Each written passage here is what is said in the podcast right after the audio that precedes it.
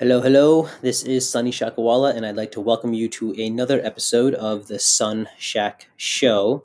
In today's episode, I read an article that I wrote called I Don't Drink Alcohol. Here's Why. Hope you enjoy.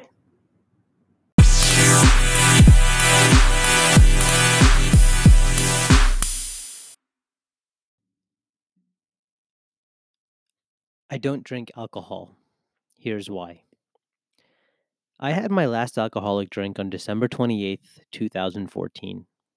I remember the date perfectly because that's Dia's birthday, and that year her birthday fell on the Sunday after Christmas. It also happened to be the day my entire extended family came together to celebrate the holiday at my parents' house. After dinner, Dia and I gathered everyone in the kitchen. We announced our decision to have a destination wedding the following fall, and everyone was so excited. After the congratulatory hugs, kisses, and handshakes, my dad motioned for us to follow him. He was saving a bottle of Johnnie Walker Blue Label for a special occasion, and this happened to be it. I still remember looking down at that glass thinking, this would make for an excellent last drink, and that it was. The story doesn't start or end there. I want to explain what led me to the decision to stop drinking, how I adjusted to it, and the benefits I've enjoyed since. Here's how I decided to stop drinking. In October 2014, Dia and I opened a small restaurant. And as any entrepreneur knows, a new business is like a newborn baby. It demands all of your time, attention, and resources. I remember we went out for a friend's birthday after we closed the restaurant one night.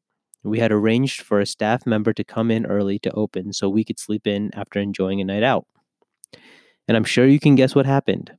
We went out and enjoyed ourselves a little bit too much, and the following morning we woke up to a text message that read, Hey, I'm so sorry, but my car broke down and I can't make it into open.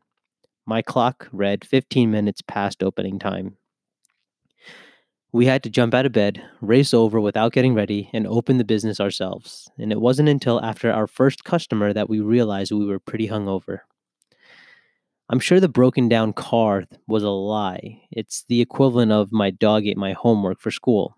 And with that said, I was still more mad at myself for drinking too much than at my employee for bailing on her shift.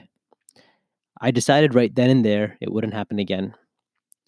The next time we found ourselves at a social event, I tried to moderate myself on the drinks. It worked, but it wasn't fun. I never enjoyed the taste of beer or liquor. I drank to get drunk and I enjoyed myself without inhibitions. That's the gist of how I thrived socially in college. And after that night, I decided giving up alcohol would be one of my New Year's resolutions for 2015. I planned on making it 90 days and reassessing. Once I stopped drinking, not much changed. I didn't have many opportunities to drink anyway. At this point, we pretty much stopped going out to clubs, bars, etc. About 10 days into my resolution, I got rhabdo. No, rhabdo is a condition caused by excessive tearing of muscle tissues. You know, hashtag CrossFit. And during my hospital stay, my doctor said, Good thing you don't abuse alcohol. A less than perfect liver would just make this healing process longer and more difficult. That stuck with me.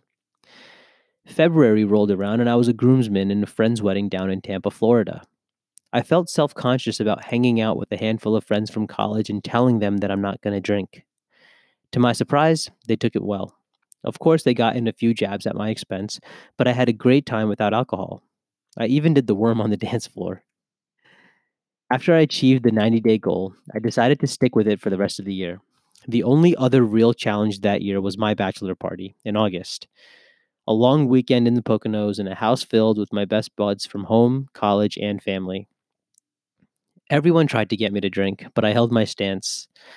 Since that weekend back in August 2015, anyone that ever had the ability to peer pressure, pressure me stopped. And the final test of the year was our wedding in October. Not drinking that entire weekend only enhanced the experience of the best time of my life, and I was convinced alcohol was no longer necessary. Here are some reasons I continue my sobriety. The first is it's not the real me. In high school, I hung out with the quote unquote good kids. I'm not even kidding. One of my friends got out of a police stop by saying, Officer, we're good kids. Anyway, none of us drank or did drugs in high school. Our vice of choice was gambling. I was against the drugs and alcohol scene for the longest time. It really scared me. I personally didn't have my first drink until I was 18. My sisters threw a party at their apartment for my friends and me the summer before college, and they basically helped us get ready for what what the next 4 years would be like. And it worked.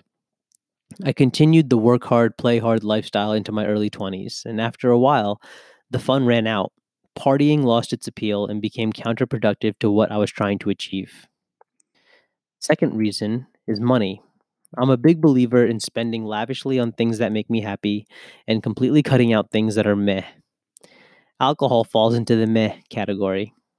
I hardly ever drink at home. I mostly drank in bars, clubs, and restaurants, and the cost for a drink in these environments could be up to 10 times its retail value.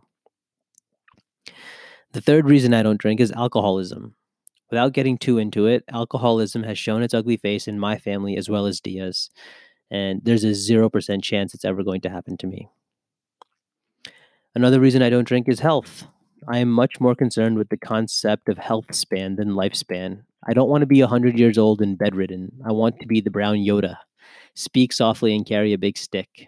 Be able to go full kung fu at a moment's notice. Going alcohol free could be the single most effective way to improve overall health. Now, if I could just kick my nightly kids' cereal habit. Another reason I don't drink is because I like to give up stuff. I like the idea of giving up things just to see how I fare without it. In 2006, I gave up beef and pork. In 2013, I gave up a 10 plus year friendship that wasn't serving me well. In 2014, I gave up alcohol. In 2018, I started fasting on Thursdays. I don't want to be someone who says I can't live without X. I want to be the complete opposite. Besides a handful of people, I'm pretty sure I can be stripped of anything and still be okay. Another reason I don't drink is because I'm not great at moderation. Saying no to one is much easier than saying enough after some. Have you have you ever seen me at the dessert table of a buffet? It's, it's not pretty. Another reason I don't drink is because I'm a creature of habit. If I'm not going to do something systematically, I question whether it's worth doing at all. I like routine. I almost always prefer doing things with predetermined frequency, whether it's daily, weekly, or monthly. What I lack in spontaneity, I make up for with perfectly planned grand gestures. Well, that was hard to say. Here are a few benefits of not drinking. I can save some money. I can always drive. I remember everything worth remembering. I feel great in the morning. I'm slightly less susceptible to the downward spiral of bad decisions that often start with a single drink. That's about it. Not drinking is not a big deal. It's just not that common. I don't suggest you try it for the sake of giving up drinking. 2015 happened to be a perfect storm of events for not drinking to really pay off. If even one of those things didn't happen, Rhabdo, the struggling business, my wedding, etc., not drinking would have ended up being another failed attempt at a New Year's resolution. The first year of being sober was the hardest. It wasn't even because I missed alcohol or the feeling it gave me. It was mostly having to explain why I gave it up over and over again. I really should have written this a long time ago.